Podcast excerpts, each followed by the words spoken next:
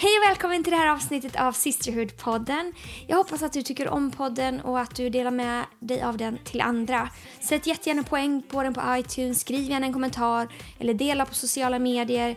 För det finns så många som skulle behöva höra de här berättelserna och bli inspirerade av det. För det finns så många fantastiska kvinnor och tjejer och det finns så mycket vi kan lära av varandra.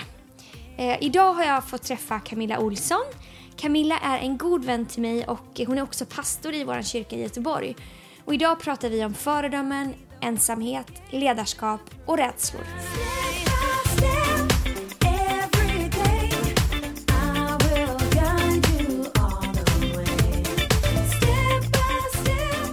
Då har jag fått besök idag av Camilla Olsson. Välkommen till Sisterpodden Camilla. Tack så mycket.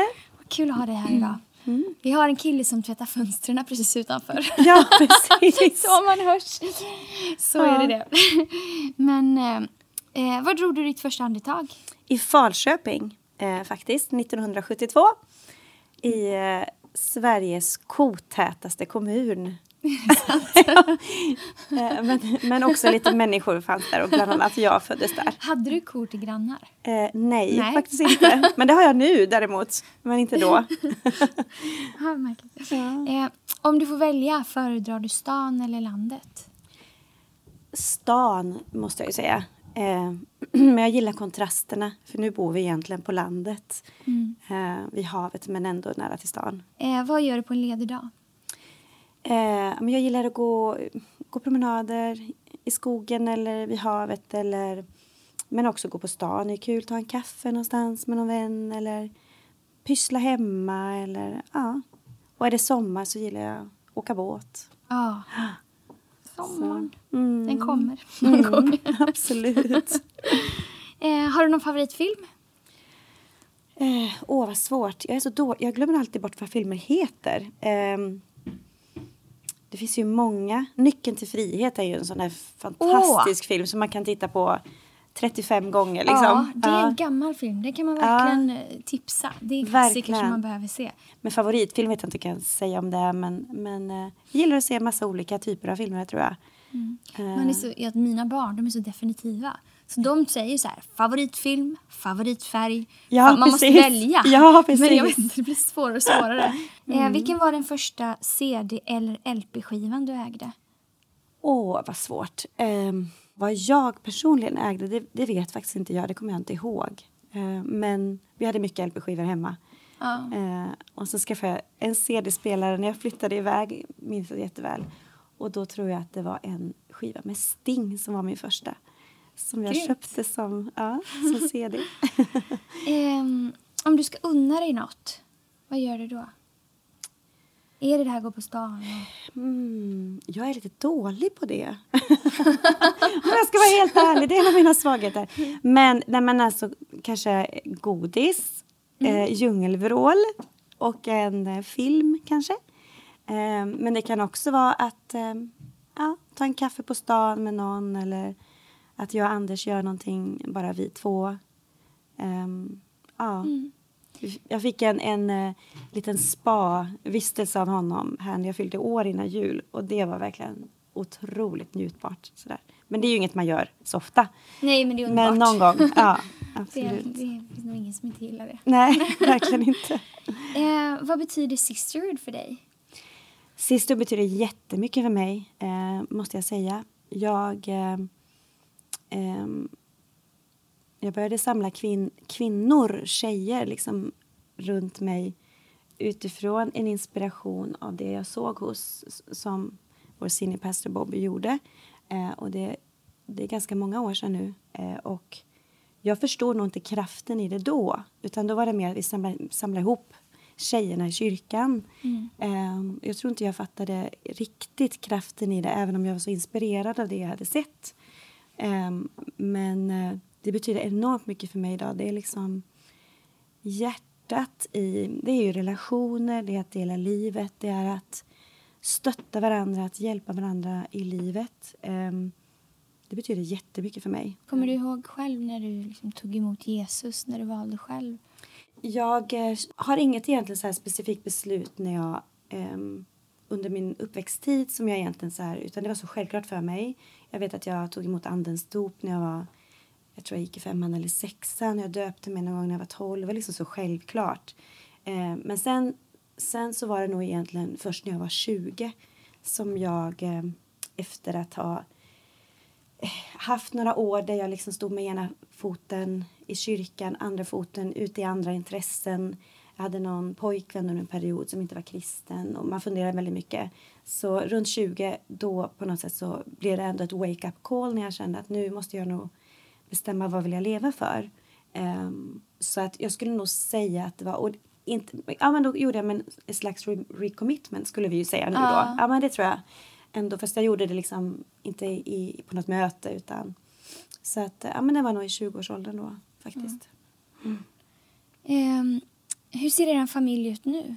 Först fick vi en, en eh, son som heter Lukas som föddes år 2000. Så han är 17, blir 18 i år. Och sen två år efter det, två år och två månader senare fick vi två eh, tjejer, Ebba och Deborah, som är 15 och blir 16 i år. Då. Så vi har tre tonåringar hemma. Och så är det ju jag och Anders. Mm. Så, och en liten hund som heter Svea. Det är det man gör, man skaffar hunden när man är klar med barnen, eller Då vill man ha något nytt att göra, någon ny utmaning. Någon som håller en vaken på nätterna i Precis. början. För det gör ju inte barnen. eh, nu är du ju pastor mm. i, i vår kyrka. Var det någonting som du ville bli när du var liten? Drömde du om det eller vad drömde du om? Nej, det drömde jag verkligen inte om. alltså, jag hade nog aldrig en tanke på det. Verkligen inte. På 80-talet när jag eh, gick i ja, men gymnasiet och tog studenten 91. Då var det så att antingen så gick man så blev man lärare eller sjuksköterska eller ekonom eller civilingenjör eller så började man jobba direkt, vilket ja. var väldigt vanligt då. Jag såg mig aldrig som någon som skulle kunna vara en pastor därför att jag hade tycker jag, ett helt annat typ av intresse, uttryck. Jag hade nog en, en föreställning om att man måste se ut på ett visst sätt. Man kan inte tycka om att klä sig snyggt och sminka sig. Och man kan inte liksom... Jag kände nog alltid att jag var lite för mycket um, när jag växte upp. Ja. Att jag var, jag var lite för mycket liksom. Alla, jag var lite för känslomässig. Jag var lite för känslostark. Jag var lite för... Ja men du vet, jag var lite för mycket av allting. Uh, och um, jag såg ingen liksom, förebild. Det fanns ingen som jag kunde se som någon kvinnlig pastor eller ledare som jag överhuvudtaget kunde identifiera mig med. Och det var inte fel på dem, det var bara det att det var så annorlunda då. Så det fanns mm. aldrig i min värld. Nej. Utan jag började läsa till lärare, inte för kanske egentligen att jag tänkte att det här är mitt livs kall. Men för att det här är ett bra yrke. Men eh, Gud kom och ville något annat ja. med mitt liv. Men nu, för, för jag tänker, när, som det ser ut nu mm. för folk som, eller tjejer som är lite yngre än oss ja. och sådär kanske eh, förbi tonåren nu och sådär. Då är det ju supersjälvklart att mm. det finns tjejer som är pastorer och det Absolut. finns ju massvis nu. Ja, och det, vi pratar ju aldrig om det i vår kyrka för det är ju liksom helt självklart. Vi mm. pratar inte om om man är man eller kvinna utan om man är rätt person för, för, för jobbet och, och om Gud har kallat den och sådär. Men hur var det då? Uh, vad tror du det berodde på att det var så få kvinnor som inte... Så jag vet inte allt. Jag tror att det ligger i... Det ligger ju i alltså, olika tider och olika säsonger har olika... Um, alltså det var ju vanligare att man var hemma med barnen för ett antal mm. år sedan. Nu låter det som jag är urgammal, det är ju inte. Nej. Men ändå, det har hänt så enormt mycket på 20 år. Mm. Eller 25 år. Det fanns väldigt få kvinnliga ledare som, som tog plats. Och de som fanns var ofta lite manhaftiga sådär. Ehm, och sen har åren gått och jag tror att det till exempel The Hillsong har betytt globalt, det är enormt. Mm. Ehm, och ehm, det är de senaste, skulle jag se det, liksom, 10-15 åren i Sverige så har det skett en enorm utveckling. Men jag vet ju för 15 år sedan när vi startade kyrkan då visste inte jag om att du fanns. För det första. Mm. Eller vi visste väl om att vi fanns men jag visste ja. inte vad du gjorde eller Nej. att vi på något sätt hade någon sorts liknande kallelse eller sådär. Nej. Det fanns ju nästan ingen tjej Nej. att titta efter. Nej.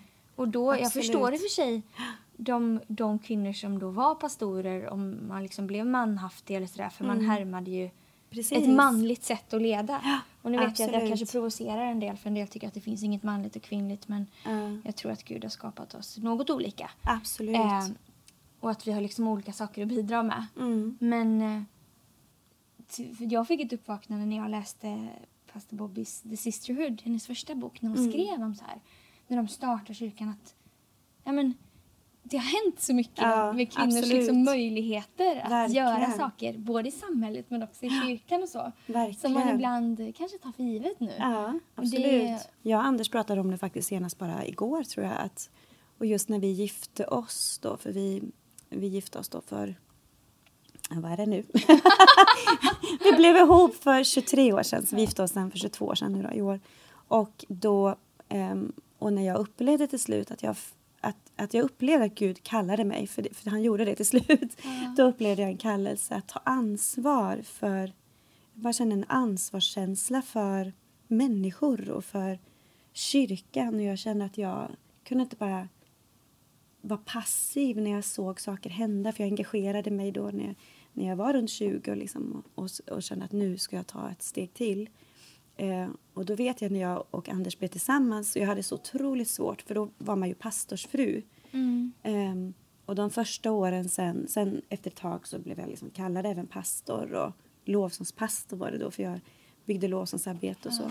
Det var så otroligt svårt att se andra par som vi kunde identifiera oss med. Och det var svårt för Anders med att se. Han såg att jag var en driven ledare men det var väldigt svårt för, för oss båda att se Ehm, vem är som vi? Liksom? Vilka Ja. par kan vi se på och som har gjort den här resan och gör den? Ehm, och eh, det var innan vi liksom, ja, men det var innan även ni hade gift er och innan Ja. vi kände varandra så väl och eh, innan vi hade kommit i kontakt med, med Hillsong också faktiskt som dröjde ytterligare några år. Ehm, så att det är väldigt mycket som har hänt men man glömmer lätt bort det nu Ja. och så tycker man det är självklart. Ja, och kanske också så här, vilket pris en del har betalat. Vissa, Mm. Både kvinnor och män har fått betala för att så här, Verkligen. bana väg för att det ska Absolut. finnas en, för, eh, liksom en förutsättning för oss och för, Mm. för många andra att eh, kunna tjäna Gud. Eller Ja, kunna, liksom, verkligen. kunna göra det som Gud kallar en till. Så att man, eh, man får vara tacksam till de som har gått före. Och som, Absolut. Precis som du säger, Pastor Bobby och Brian och sådär. Och, eh, och har gjort det. Och det är intressant hur ofta man hela tiden letar efter någon att titta på. Ja, Eller hur? Som du precis. sa. Det fanns Absolut. ingen, eftersom man inte har sett det Nej, så, verkligen. så vet man inte om att man kan göra det Nej. på något sätt. Man vill följa efter någon. Och det kanske fanns en och annan, men om du inte kunde känna igen dig i dem, för att eftersom det var så få, Ja. så om du inte kunde känna igen dig precis i dem, så, så tyckte du att det var svårt liksom. Ja. Alltså jag hade en, en god vän i Marina Andersson. Eh, hon heter ju Johansson på den tiden. Men vi var väldigt goda vänner. Hon kände Anders väldigt väl. Och jobbade då eh, i Pingst Jönköping. Och hon var ju en driven ledare, en profil liksom med, med barn och kids nere i Jönköping och så. Så det fanns, det fanns några stycken. Ehm, hon betydde mycket för mig. Fanns lite lovsångsledare. För, för jag var mycket i lovsången de första ja, 15 åren Mm. kan man säga. Så inom lovsången fanns det kanske en del och så. Ja. Har du känt dig ensam? Absolut, enormt ensam. Om jag ska vara helt Ja, ärlig. ja. Ja, men verkligen. Jag vet att det var, jag kommer ihåg så väl faktiskt, när det vände för mig. Jag kände mig ensam mer eller mindre fram till 2011 faktiskt. För jag kommer ihåg att 2011 var, då blev jag eh, anställd på halvtid i kyrkan. Och jag kunde följa med Anders på, jag hade varit med på Hillsong Conference i, i några år och tagit ledigt från jobbet och så. Men då vet jag att då kunde jag följa med lite mer på saker. Och samma år så blev eh, Ulrika Stenstrand, en av mina bästa vänner, hon blev anställd. Vet, Hon jobbar också i en kyrka. hon jobbar också i en kyrka. Ja. precis. Hon var journalist, hade också gått ner i tid och, och blivit anställd i kyrkan.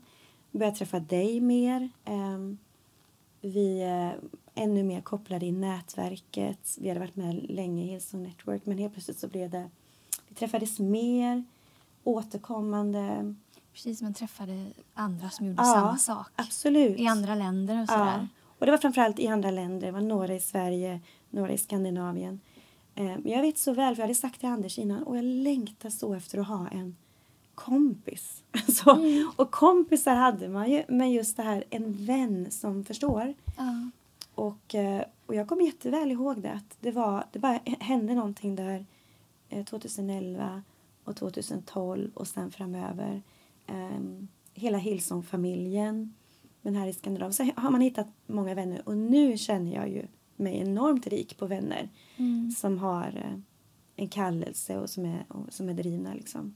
Eh, men det är inte så många år sedan som det hände. Nej, men det finns ju också någonting när man är i ledarskap. Mm, När man absolut. är ledare och ska gå före och visa vägen. Och Mm. att ja, men det kan finnas ett visst mått av ensamhet Verkligen. i det. Att man känner sig annorlunda eller Ja, att absolut. det är svårt att dela alla saker med, med Mm. alla och sådär. Verkligen. Så det, ja. Mm. Men det är fantastiskt då. Mm. Vad vi får vara en del av. Ja, att, absolut. att det finns så många fler nu Ja. som vi kan liksom Verkligen. sisterhood Verkligen. både här och i Ja. Sverige och globalt. Och så. Vad tycker du är roligast med att vara pastor? Människor.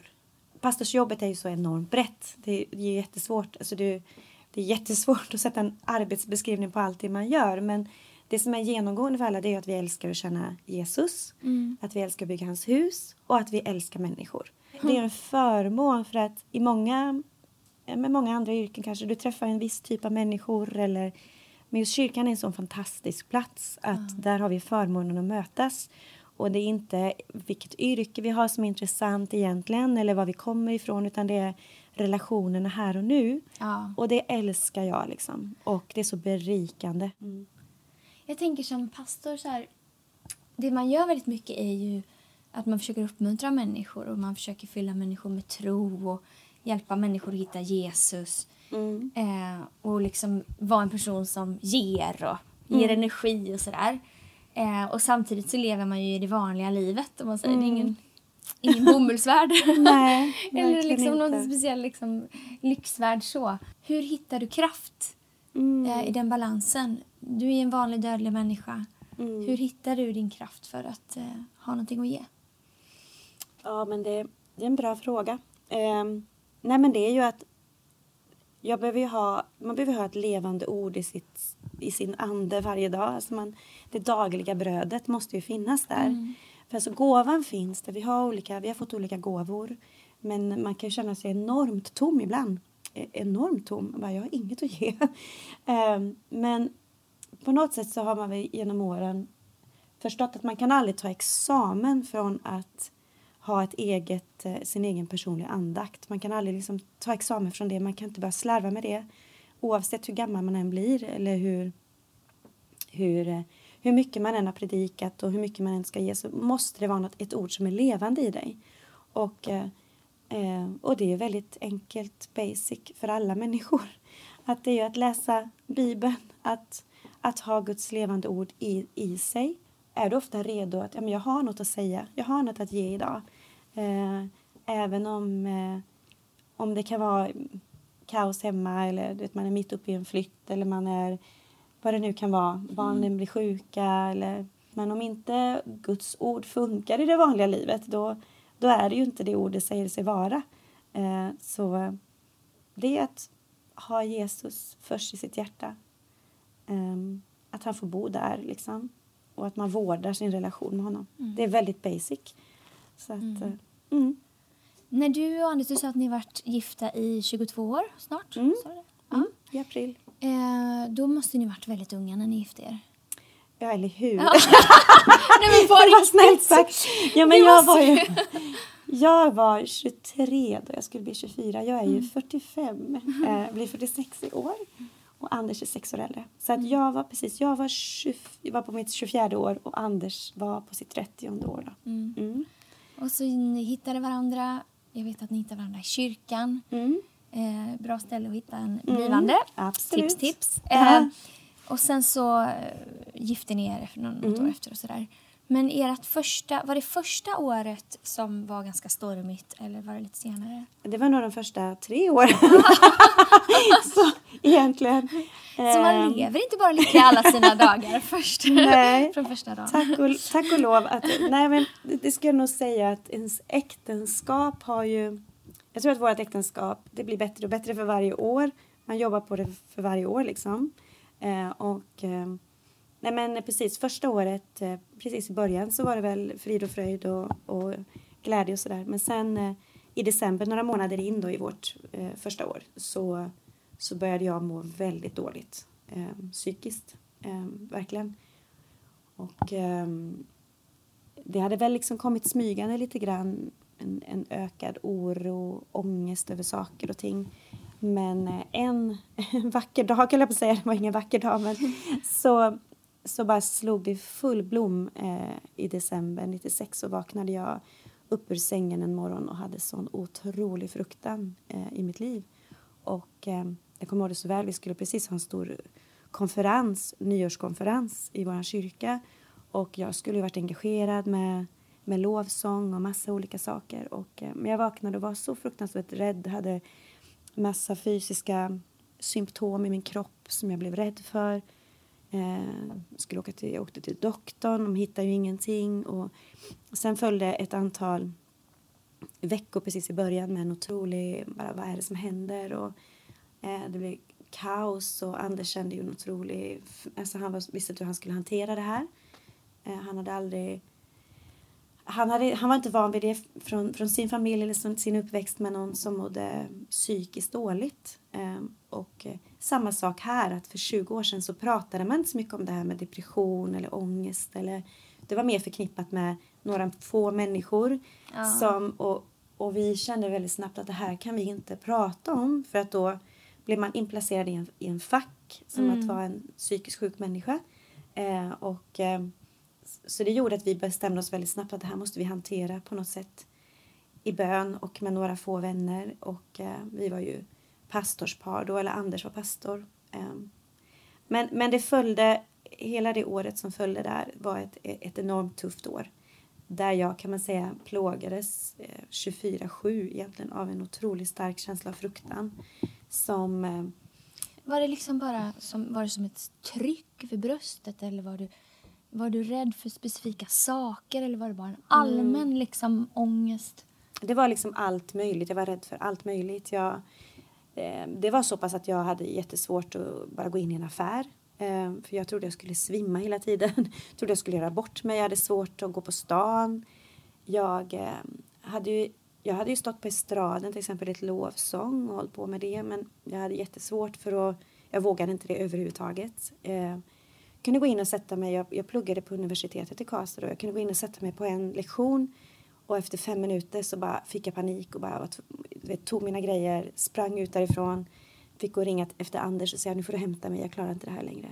Så, och, och, när jag hade utsatt mig för det typ en eller två gånger så kände jag att nej det här går inte. Så att jag, jag hoppade av min uh, utbildning då, eller tog en paus, mm. gjorde jag, mitt i utbildningen och uh, jag ville vara med Anders hela tiden. Jag på något sätt, det var som ett plåster på honom hela 97.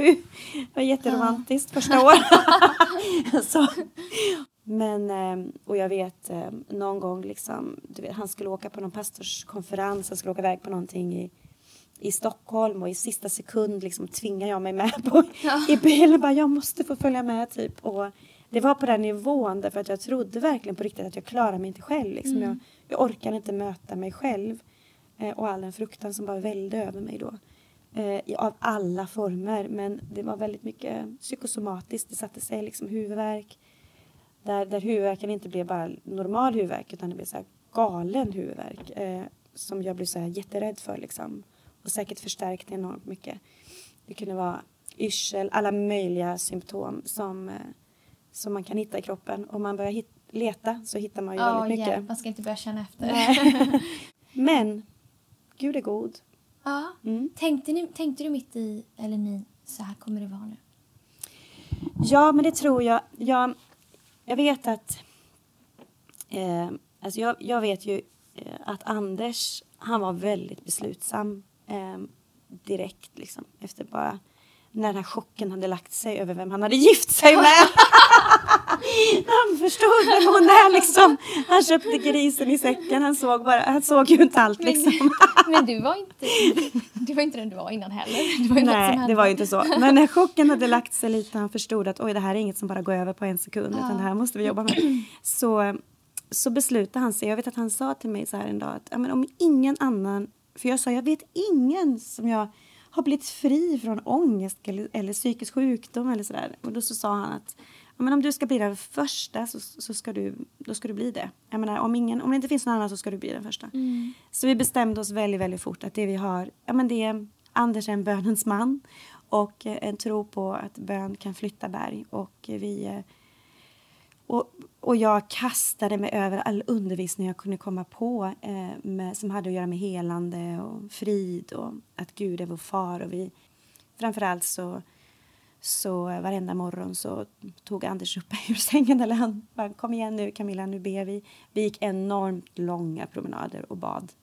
Och jag hade eh, kanske en 25 bibelord som jag hade skrivit ner på i en bok då som, som handlade bara om befrielse, eh, ja, men frihet, helande, kraft, framtid. Mm. Eh, och de här memorerade jag eh, över mitt liv högt, dag efter dag. Så det, jag gjorde inte så mycket annat. Jag gick hemma i lägenheten mm. och läste de här bibelorden, lärde mig dem utan till. Mm, ja. Och, sen, och sakta men säkert, efter, det var ju så att det väcktes ju ett hopp för sakta men säkert kunde jag hitta en, en frihet och jag kunde hitta liksom ett par timmar här och där när jag bara wow, jag mår ju faktiskt ganska bra och jag gick ur mig själv eller uh. Anders sa gå ur dig själv nu Camilla, se vad du har runt omkring dig och så så um, så jag menar det började vända sakta men säkert och jag fick hopp. Uh, jag började skriva ner en massa drömmar, jag skrev ner på papper så här eh, kommer ihåg det så väl, liksom, jag drömde om mitt liv och det var såna så enkla saker som jag drömde om att kunna få, få barn. Jag drömmer om att jag ska kunna få jobba som lärare, att jag ska klara det. Mm. Jag drömmer om att kunna vara med och bygga kyrka igen, leda lovsång igen. Eh, det var sådana enkla saker som man kan tycka att man tar för givet att livet innehåller. Men för mig var det så enormt långt eh, framtid. Jag trodde att det här är inte är möjligt. Liksom. Så jag började, jag började drömma och, eh, och, och ordet fick liv i mig Eh, ordet är levande och jag kände att det till slut fick liksom eh, det började landa i mig mer och mer och eh, jag kunde påbörja min utbildning igen. Alltså det fanns väl en, en viss form av, av kamp men, eh, men ändå det liksom fungerade bra det året. Mm. Ehm, och sen så skulle vi eh, bli pionjärer och lämnade Karlstad och skulle flytta iväg ner till Skåne och, Vad är och vara att bli pionjär? Ja, men då, då tog vi en stor risk. Vi upplevde att eh, vi skulle gå ut och bygga kyrka så som vi bygger kyrka idag. Mm. Vi hade jobbat i, en, i ett mer traditionellt sammanhang innan. Och eh, Anders sa upp sig, så det var det han gjorde. Han sa upp sig eh, med en fast lön. Eh, jag hade ju fått min examen. Vi tog ett, ett, eh, fick ett jobb nere i Hör. Vi skulle flytta dit. Anders skulle då ta över en liten samling med människor och bygga kyrka. Vi visste att här är ingen lön att hämta på säkert två, tre år. Mm. Eh, vi var helt beroende av att jag skulle kunna jobba då. Och det var ju liksom mitt första jobb oh. efter den här långa perioden. Och vi flyttade ner där och det höll. Eh, och eh, några veckor in på hösten så eh, kunde jag bara konstatera att Gud är god. Liksom. Jag klarade av att jobba heltid som lärare. Och efter några månader blev jag gravid och året därpå kom Lukas. Wow. Så det var ingen riktig, det var liksom inte så en från en dag till en annan så blev det bra utan Nej. det var du höll fast. Ja. Det var, det var långt. Det var två och ett halvt år kan man säga av väldigt intensivt jobb. Ehm, sen, är det ju, sen vill jag säga att alltså det är inte så att jag på alla de här åren sen aldrig får fightas. Det vill jag verkligen säga. Att jag har, jag har fightats de här åren eh, med fruktan. Jag, fightar med fruk jag fightas med fruktan fortfarande eh, över olika, olika perioder och olika saker. Men, men det har aldrig kvävt mig igen. Alltså det har aldrig fått ner mig så att det har liksom kvävt mig att jag ligger och inte är helt paralyserad. Utan, men däremot har jag fått lära mig att vissa saker får jag kanske acceptera. Att, ja, men på något sätt att det har gjort mig beroende av Gud eh, jag, jag, känner mig väldigt, väldigt beroende av Gud. Jag har ibland frågat Gud att varför kan du inte göra mig annorlunda? För jag kan tycka ibland att ja, varför, ska jag, varför ska jag kämpa med de här bitarna fortfarande? Eller olika situationer och sådär. Men på något sätt så, jag vet att Paulus sa att han hade en, en törntagg och han hade någonting som, och han pratade om att i min svaghet är jag stark. Och det är nog lite den, det jag kan känna fortfarande som 45-åring att ja, men i min svaghet är jag stark. Jag vet att i mig själv, jag har naturliga gåvor, jag har saker Gud har lagt ner i mig men, men eh, allt måste, alltså Gud måste få, det måste vara ett andens verk i mig hela tiden och jag måste vara nära honom hela tiden för att klara av det här livet. Och det tror jag, jag tror att det är en bra plats att vara på. Um, för att det gör att man, man springer inte kanske ifrån Gud utan man vill fråga honom i allt och så. Um, Väldigt bra. Verkligen. Om du skulle ge ett råd till dig själv då, låt säga för uh, eh, 20 år sedan. Mm. Vad skulle du säga då? Åh. Jag skulle nog säga så här. Lyft blicken. Um, se inte för mycket här och nu. Um, livet kommer bli mycket bättre än vad du tror. livet kommer bli mycket spännande än, än du tror nu. Och det finns mycket mer styrka och kraft i dig än vad du har en aning om. Det skulle jag säga till mig själv. Tack! Fantastiskt bra. Tack så mycket. Tack.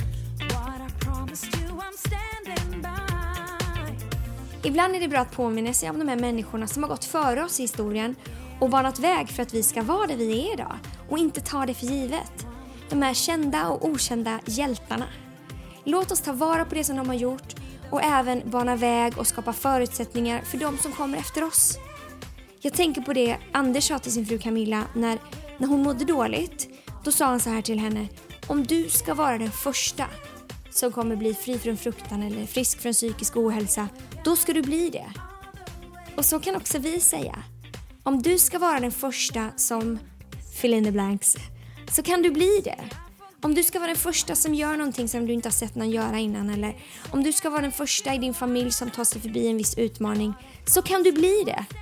Bara tro och be Gud om det. Så, det är det sista jag vill säga. Glöm inte att alltid hämta kraft hos Jesus. Det som Camilla sa, det är väldigt grundläggande, väldigt enkelt. Men det är trots allt hos honom som vi vet varför vi lever, som vi får vår energi och vår mening med livet.